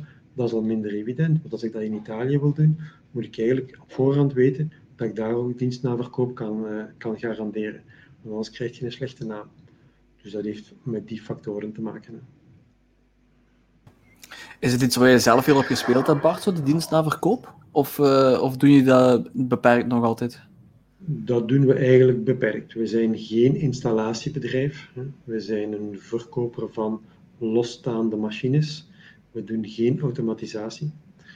Uh, en voor de wat verder weg landen proberen we dan de installaties te verkopen via een lokale partner. Juist omdat we zelf die dienst na verkoop zo niet kunnen garanderen. Heeft dat jou gehinderd in, eh, in, in je groei? Merk je soms dat daar, dat daar weerstand komt als je dat, als je dat zegt? Uh, ja, natuurlijk. Hè. Uh, uiteraard hindert dat in je groei. Hè. Dus, en langs de ene kant, je weet het, hè, iedere weakness is een opportunity in een SWOT. Ehm, dus je zou het kunnen, als je wilt bijschakelen en je zegt van we gaan de Italiaanse markt voor de brouwerijen benaderen en je zorgt dat je daar lokaal techniekers hebt, gaat je daar harder kunnen groeien. Uh, maar dat is een businessbeslissing die je dan moet pakken en dan moet je er ook centen voor, uh, voor aan de kant zetten en investeren. Uh, dus ja, de, uiteraard heeft dat impact. Ja. ik wil vragen, misschien zijn er landen waar je het eerst naartoe zou gaan, maar dat hangt er ook sterk vanaf van het product natuurlijk dat je, dat je gaat verkopen. Hè? Ik denk voor een technologie dat dat waarschijnlijk de, de, de, States zijn en de Engels, Engels landen. Uh, en afhankelijk van, ja, van, van fysieke producten wat je verkoopt, dan gaat het eerder afhangen van, van de markt en waar, waar mensen interesse voor hebben, denk ik dan. Het gaat eigenlijk over de product-marktcombinaties. Daar gaat het eigenlijk over. Je moet inzetten op die product-marktcombinatie waar je contributiemarge hoger is dan de gemiddelde contributiemarge van je bedrijf. Daar moet je op inzetten. Dat is een heel, uh, heel korte, maar heel correcte benadering, denk ik. dat, is de, dat is de managementbenadering. Hè. Uh, is daar eens een definitie die ergens in uw bureau hangt, Bart? Of, uh... het kwam er vlot uit, hè? ja, het is dat, het is dat. Dat heeft hij waarschijnlijk al een paar keer gezegd. uh, ja, dat is, zo moet je dat bekijken. Hè. Dus moet, je moet gaan kijken naar die markten waar je de meeste marge kunt halen. Uh, voor de minste variabele kosten, zal ik maar zeggen. Hè. Ja. Uh, dat is wat je moet proberen. Hè. Uh, en bij ons is dat dus verschillend. Sommige producten kunnen we beter verkopen in Scandinavië en andere producten verkopen voor ons gemakkelijker in Zuid-Europa of in, of in Duitsland of waar dan ook. Hè. Het is gewoon verschillend per product in ons geval. Hebben jullie ooit echt differentiatie gedaan? Dat wil zeggen, een product specifiek aangepast voor een bepaalde markt en, en echt verschillende versies gemaakt, afhankelijk van waar je gaat. Allee, om een heel concreet voorbeeld te geven, Coca-Cola doet dat dus ook. Elk land en zelfs elke regio binnen, binnen een bepaald land heeft een andere smaak van Coca-Cola. Een beetje citroen erbij, een beetje vanille erbij, een beetje dit, een beetje dat. Dat is heel raar, want je zou denken, Coca-Cola is overal hetzelfde. Nee, dat is absoluut niet het geval. Ik weet niet of jullie daar ook uh, zo ver zijn gegaan in jullie producten, of... Uh... Uh, dus smaakaanpassingen doen we niet echt. Uh, verpakkingsaanpassingen per land doen we wel. Uh, ofwel maken we talencombinaties. herinner u, elf talen, dat krijg je niet op een klein potje. Dus dan moet je wel met talencombinaties gaan werken. Maar bijvoorbeeld voor de States hebben we de producten die we daar vermarkten, hebben we volledig gerebrand.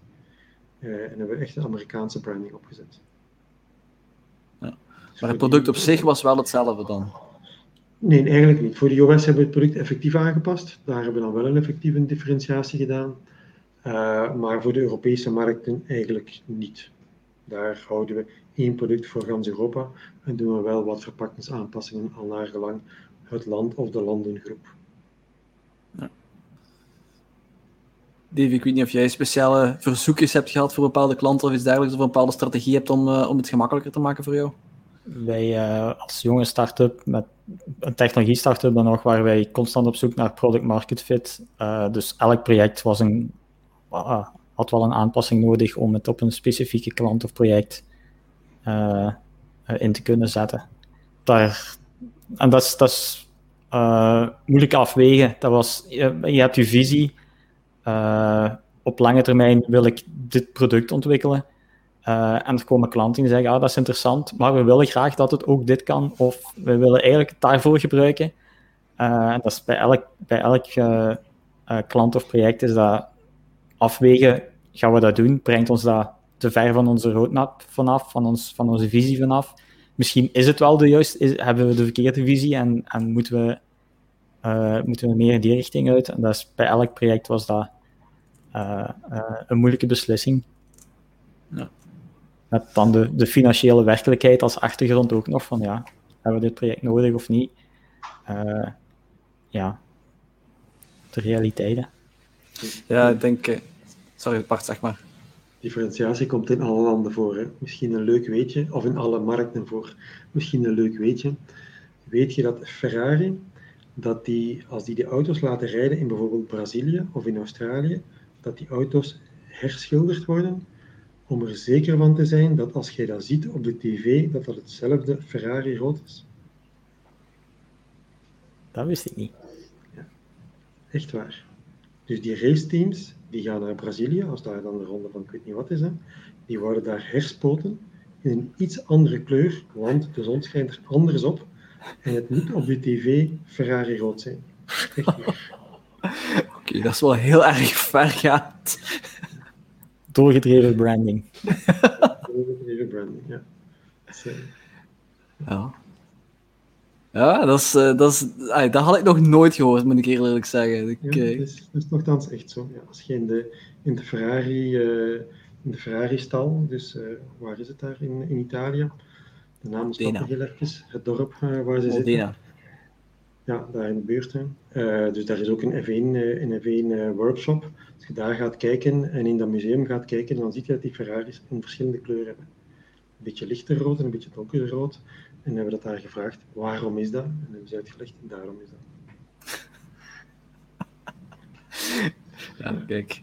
Je kunt het, je kunt het zo ver niet, niet bedenken, of ze hebben er, ze hebben er een reden voor. Uh, ja. Weer al iets geleerd van deze podcast. Daar doen we het voor, voor, uh, voor, voor lullige weetjes over Ferraris in Brazilië. Tja, kijk. Uh, is, er, is er voor jullie beiden een, een bepaalde land of, of landengroep of cultuur dat je zegt van kijk, daar heb ik echt miserie mee gehad of daar wil ik liever niet meer uh, mee te maken hebben? Of, of uh, is, er, is er voor elk probleem wel een oplossing te vinden in elke specifieke regio van de wereld? Er is natuurlijk altijd een oplossing te vinden, maar het vraag, de vraag is of... ja, of is het het waard? Hè? Het op de kool waard is. Hè? Dus, ja. Ik heb al gezegd dat we terug een beetje downsizen wat betreft talengebruik. En uh, ja, waar we vroeger wel nog uh, B2C e-commerce deden wereldwijd, zijn we nu aan het denken om dat toch af te schaffen. Juist omdat de, regel, de, regelgeving strikter en strikter wordt. en we op een gegeven moment moeten zeggen, sorry, we kunnen niet naar Australië leveren, want we kunnen niet aan al die attesten voldoen. er wordt veel meer onderschept dan vroeger.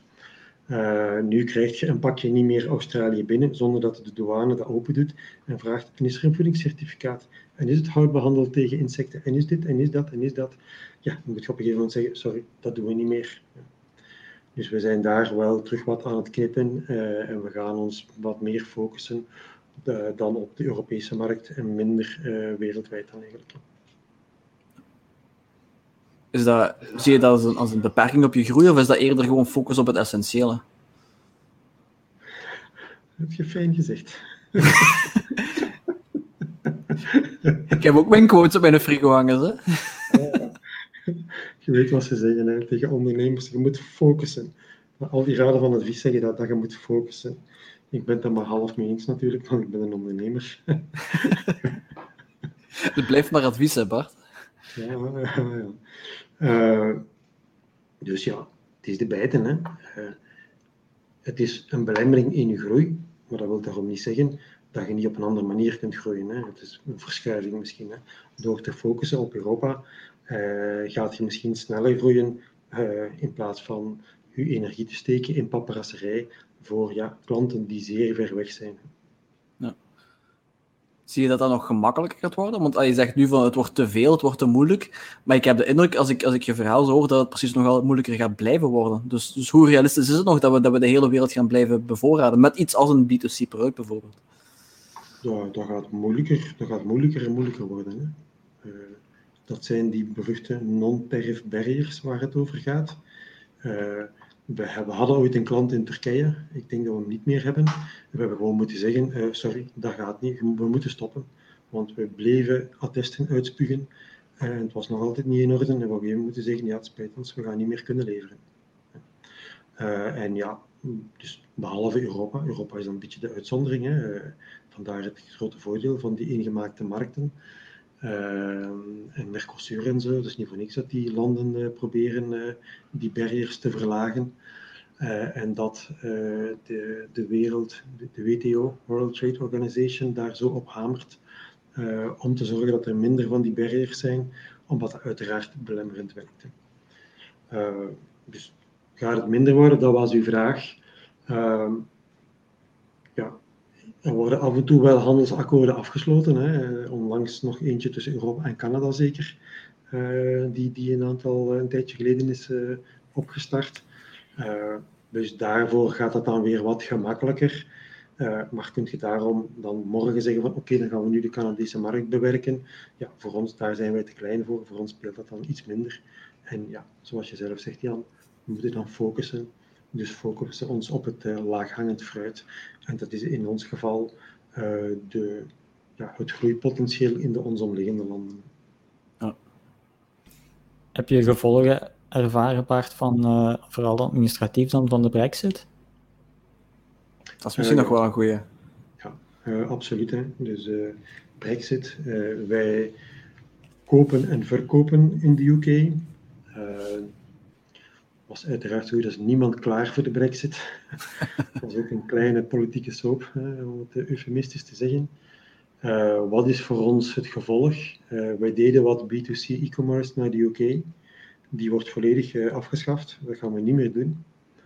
Ehm, omdat gek genoeg de brexit niet is dat de UK nu een land is zoals Noorwegen en Zwitserland. Maar het is geen, het, geen deel van de de EER, de Europese Economische Ruimte. Uh, en onder andere vanaf 1 januari 2022 uh, is de CE-normering niet meer geldig in de UK en moet je een specifieke UKCA-normering hebben voor uw uh, elektrische apparaten en zo. Dus ja, zeker impact. Uh, gelukkig is UK voor ons een relatief klein aandeel in onze omzet, dus we gaan er zeker niet door omvallen. Maar wat langs de ene kant een belemmering is, is langs de andere kant misschien ook wel een opportuniteit. Heel veel retailers in de, in de UK kochten internationaal aan. Dat gaat nu voor die retailers allemaal veel moeilijker worden. Dus misschien kunnen wij daar als groothandelaar dan toch weer een rol in spelen. Dat zijn we nu aan het bekijken. Ah, ja. Dat is ondernemen, hè? Dat is ondernemen proberen een threat naar een opportunity te ja. Ik ben wel eens curieus hoe, hoe Brexit gaat lopen nu, want het, uiteindelijk dat vind ik, allez, voor mijzelf is dat, is dat heel vaag om dat uh, te, te, zien. Ik weet in de tijd, het enige contact dat ik had met Engelse bedrijven was via recruiters. Ik denk, Davy, dat jij er ook al regelmatig een telefoontje krijgt van, uh, van de mannen van... Uh, ik ga ze niet noemen, want ik gun het ze niet. Um, en, en ja, ik, ik weet nog dat zij tegen mij vertelde van ja, we hebben geen idee wat er gaat gebeuren, maar hoe dat het voor de, de Britten zelf is, die nu producten niet meer gaan krijgen en, en noem maar op. Want ja, Bart zegt van kijk, ik, ik, ik lever niet meer, punt aan de lijn. Ik heb geen idee hoe dat, hoe dat voor die mensen eigenlijk is om, om daar uh, ja, in, in zo'n situatie terecht te komen. Dus uh, ja. heel spannend, denk ik, om, om dat, dat allemaal af te wachten. Vooral voor alle kleinere bedrijven is het en de kleinere merken is het een issue. Hè? Dus gaat Apple die OKCA-markering hebben? Uiteraard. Alle grote jongens gaan het doen. Maar al de kleinere bedrijven die gaan er tussenuit vallen. Hè? Ja, maar, maar dat is net het probleem, hè Bart. Allee, heel veel van, van de, de mensen, of de producenten, ik zal het zo zeggen, die van die, uh, die, die goederen maken, die komen niet uit het buitenland. Engeland is, is net zoals Europa een heel groot dienstenbedrijf eh, of een land geworden. Eh? Zoals heel veel landen in Europa, waar de productie vooral ergens anders ligt. Um, ja, daar gaan heel veel producten gewoon wegvallen, denk ik, waar dat niet direct een alternatief voor, voor te, te, te leveren gaat zijn. Als men die UKCA-normering heel hard houdt vanaf 1 januari, dan gaan die daar een big issue hebben. Ja. Dus ik verwacht dat men daar nog eh, een beetje gaat uitstellen of een gedoogbeleid gaat voeren of een overgangsperiode gaat inlassen. Dat is wat ik eigenlijk verwacht. Ja. Uh, misschien even een dezelfde lijn verder gaan. Ik weet niet of, of, er, of ook problemen zijn geweest uh, met, met de, de handelsoorlog die, die Trump uh, x aantal jaren geleden afgekondigd heeft. Dat is misschien nu, nu heel, heel ver gezocht, maar dat is uiteindelijk ook iets waar je mee, mee geconfronteerd kan worden als, dat je, als je internationaal gaat ondernemen. Uh, dat is zeker iets wat je kunt tegenkomen. Misschien dat Davy er uh, iets mee te maken heeft gehad. Op dit moment data... iets mee te maken zelfs, hoe je dat... nee, dat zeggen impact heeft gehad. Hè. Want op een gegeven moment was er toch wel een issue rond, ja, mag uw data nog wel in de States uh, gehost worden, ja of wel nee. dat heb ik op een gegeven moment toch zo een beetje zien naderen. Ik weet niet of jij daar impact mee gehad hebt. Nee, in de praktijk hebben we daar niks van gemerkt. Ik denk ook niet dat uh, het was ook niet tegen, tegen Europa uh, gericht. Hè. Eh, ik weet, hij heeft een, een, een uh, het handelsakkoord met Canada heeft hij opgezegd. Mexico is het ook heronderhandeld en dan, dan China. Dat zijn, dat zijn zo de voornaamste conflictpartijen geweest. Ik denk niet dat Europa rechtstreeks mee te maken heeft gehad, maar ik weet niet of, het, of, het, of zo van die dingen gemakkelijk merkbaar zijn als je, als je zo van die dingen gebeuren op wereldvlak wij hebben wel de vraag gekregen, ja, uw componenten, waar worden die geproduceerd? Uh, oei, in China heb je geen Europees alternatief, want dat verkoopt hier beter. Die vraag hebben we effectief gehad, hè? Voor die steeds. Ja. Dus dat, dat, dat, gaat nu misschien terug een beetje veranderen, uh, maar de, ja, America First, uh, door, door, dankzij Trump zal ik maar zeggen, of door Trump zijn regelmatige herhaling. ja, dat heeft er toch wel een beetje, dat zit er toch wel in de geesten, ja. En dan Europa liever dan, uh, dan China. Dus Europa was ook oké. Okay. Ja, ja, Europa was oké. Okay. Ja, ja. ja, absoluut. Bizar, bizar gegeven, sorry. ja, ja, toch wel. Hè. Werd er in, werd er gewoon ingeramd, hè. iedere keer opnieuw en opnieuw en opnieuw. En heel wat media die natuurlijk daarmee op inspelen. Uh, dan is het niet zo moeilijk dat uh, consumenten toch beginnen op een gegeven moment uh, een switch te maken naar. Hè. Ja, nee, maar dat het. Dat het, allee, het America First gegeven snap ik waarom dat het gebeurd is, maar langs de andere kant, als, allee, Europa is ook niet Amerika. Hè? Allee, het, is, het is die logica die ik, die ik niet, niet, niet echt goed begrijp. Uh, langs de andere kant was Trump ook heel erg anti-China, dus misschien dat dat... Uh, er waren twee boodschappen die langs elkaar liepen en, en het zal misschien de combinatie van, uh, van de twee geweest zijn. Ja, ja, ja zeker. Uh, in welke mate is, nu hebben we het een beetje over politiek, in welke mate is Belgische politiek een, impact op, uh, op de ondernemingen die, uh, die, er, die er zijn? Is, dat, is dit iets wat snel verandert of is dat eerder iets wat, wat, wat je van ver ziet afkomen en waar je met een zucht omheen moet lopen elke keer?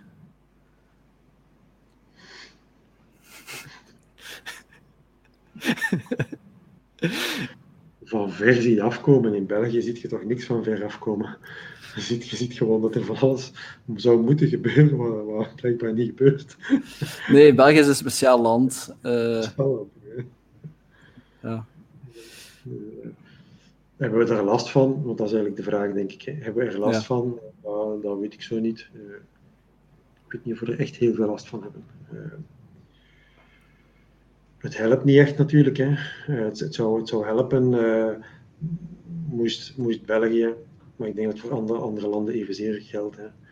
Uh, moesten ze wat proactiever zijn in, in wetgeving en zo, dat je inderdaad beter weet wat er gaat afkomen, want dan kun je er u naar richten. Hè. Uh, en ik denk dat ik het voorbeeld heb gegeven, hè. vanaf 1 juli mhm. de one-stop shop voor de Europese Unie, voor de BTW-reglementering. ja, waarom zijn dan alle, alle platformen daar nog niet klaar voor? Hè? en krijg je pas een maand voor datum uh, komt dat zo wat in de pers en zo, begint dat zo nu wat te leven. Dat is een beetje raar eigenlijk. Dan. uiteraard weet de overheid perfect welke bedrijven daardoor geïmpacteerd worden, want je doet je btw-aangiftes. Dus misschien had de overheid daar dan wel eens kunnen maanden op voorhand naar die bedrijven iets kunnen mailen van hallo, hier moet je wel rekening mee houden. Ik weet ook niet hoe vaak het verandert. Allee, voor mij is het, is het heel gemakkelijk. Ik heb, ik heb 20 factuurtjes op een jaar en er komen er wat, 200 of 300 binnen en, en ik geef dat met de boekhouder en dat is klaar. Maar ik kan me voorstellen dat dat voor, voor een grote onderneming zoals die van jou, Bart, en, en Davy ook uh, met x aantal mensen in dienst, dat dat wel wat anders is. Dus daarom dat ik, dat ik de vraag eigenlijk stelde. Ja, ja. ja uiteraard. Hè. Dus wij hebben wel 400, 500 facturen per dag uitgaand. Oké, okay, klein, klein niveauverschil. Uh, maar goed, we hebben, ik weet niet of we er heel veel last van hebben. Nee, denk ik niet. Misschien een laatste vraag dan uh, om, om af te sluiten. Ehm, ik merk ook dat, dat uh, ondanks het feit dat er heel veel Belgische bedrijven zijn die ook internationaal verkopen en, en, en zo verder, heb ik wel de indruk dat er heel weinig bedrijven zijn die internationaal doorbreken. In de zin van uh, de, de twee grootste uh, e-commerce platformen die wij in België kennen, zijn Nederlands, bol.com en Coolblue. zowel voor iedereen bekend, denk ik. het zijn hele grote Nederlandse bedrijven. de, de pakjesdiensten in België, een van de grootste spelers daarop is PostNL. Uh, ik, weet niet of dat, of dat jullie uh, die, die, die mening delen, maar ik heb de indruk dat België precies niet wil of niet kan groot denken of groot gaan. Ik, ik weet zo niet waar het, waar het probleem ligt. En ik wil eens even polsen bij, bij, bij jullie. Jullie hebben iets meer zicht op, op hoe, het, hoe het speelt, qua volume dan, hoe de grootte. Waar denken jullie dat, dat België of België tekort schieten om, om zo door te breken op internationaal vlak?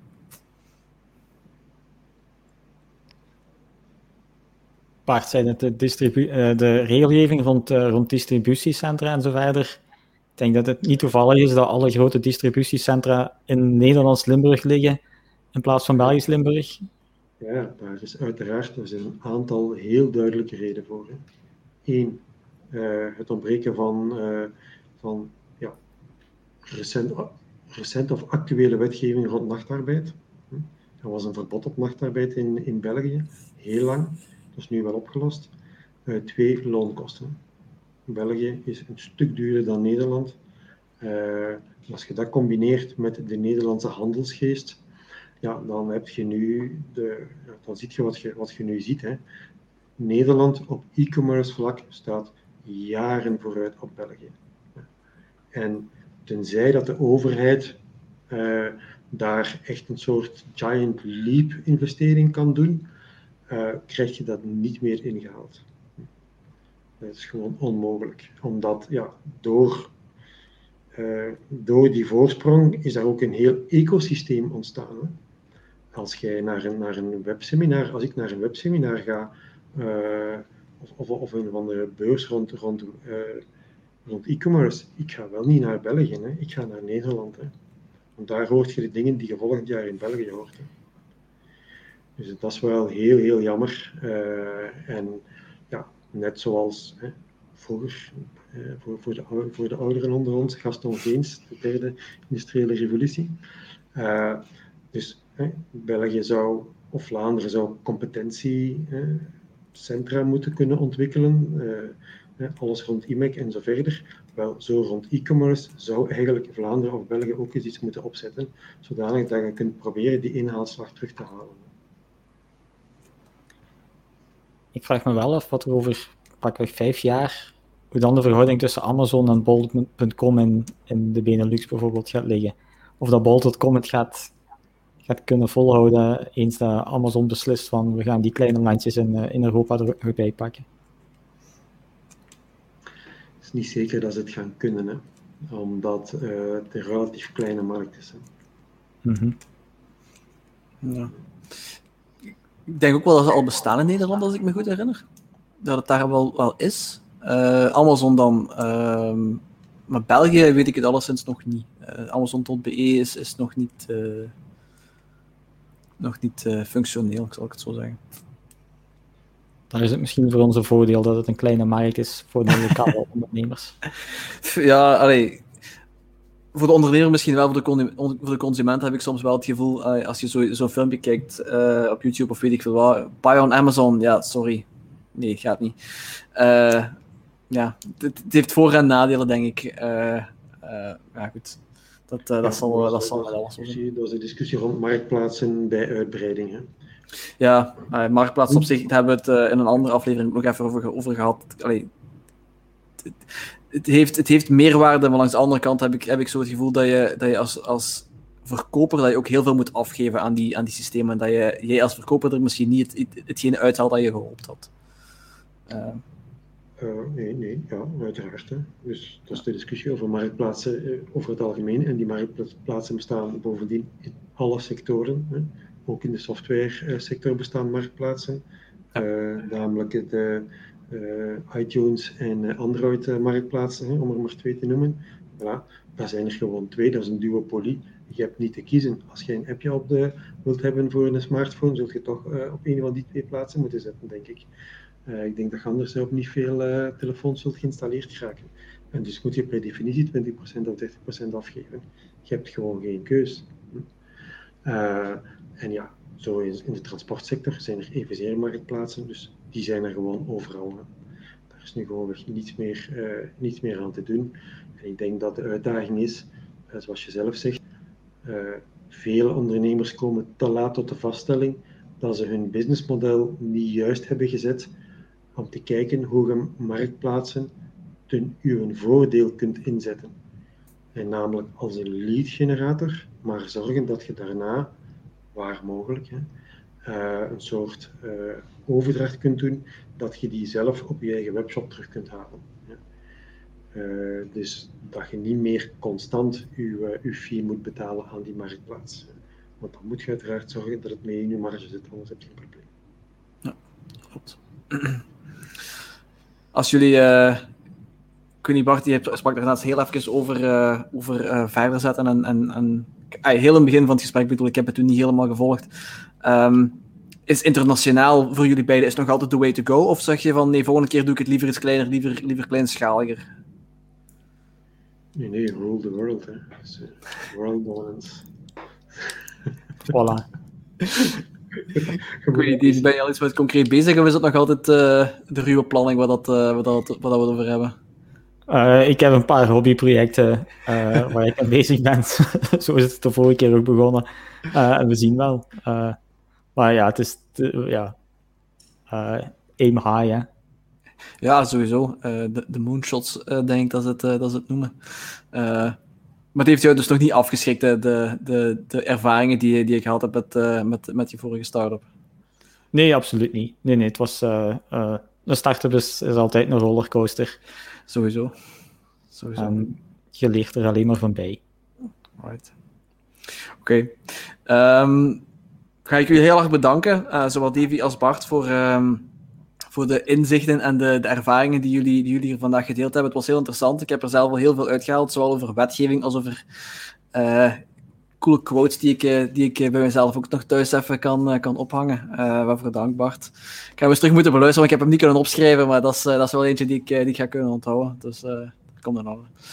Um, Alright. Uh, wat ik altijd doe als ik, als, ik af, als ik afsluit met mijn gast, is ik zeg van, ja kijk, ik zou zeggen dat we binnen, binnen dit en een half jaar of binnen een jaar of twee is, uh, nog eens een keertje een, een belletje doen, te kijken hoe dat het staat, hoe dat we gegroeid zijn. Uh, TV kan waarschijnlijk ons zijn nieuwe project voorstellen tegen dan. Enfin, hopelijk. het, zal er, het zal er een beetje van afhangen. Of misschien heeft hij dat, dan wil hij het gewoon nog niet zeggen. Who knows? No comment was het. Hè? No comment. Perfect. Nee, goed, heren, uh, heel hartelijk bedankt voor jullie tijd. Uh, en uh, ja, hopelijk tot een, tot een volgende keer. Dankjewel voor het gesprek.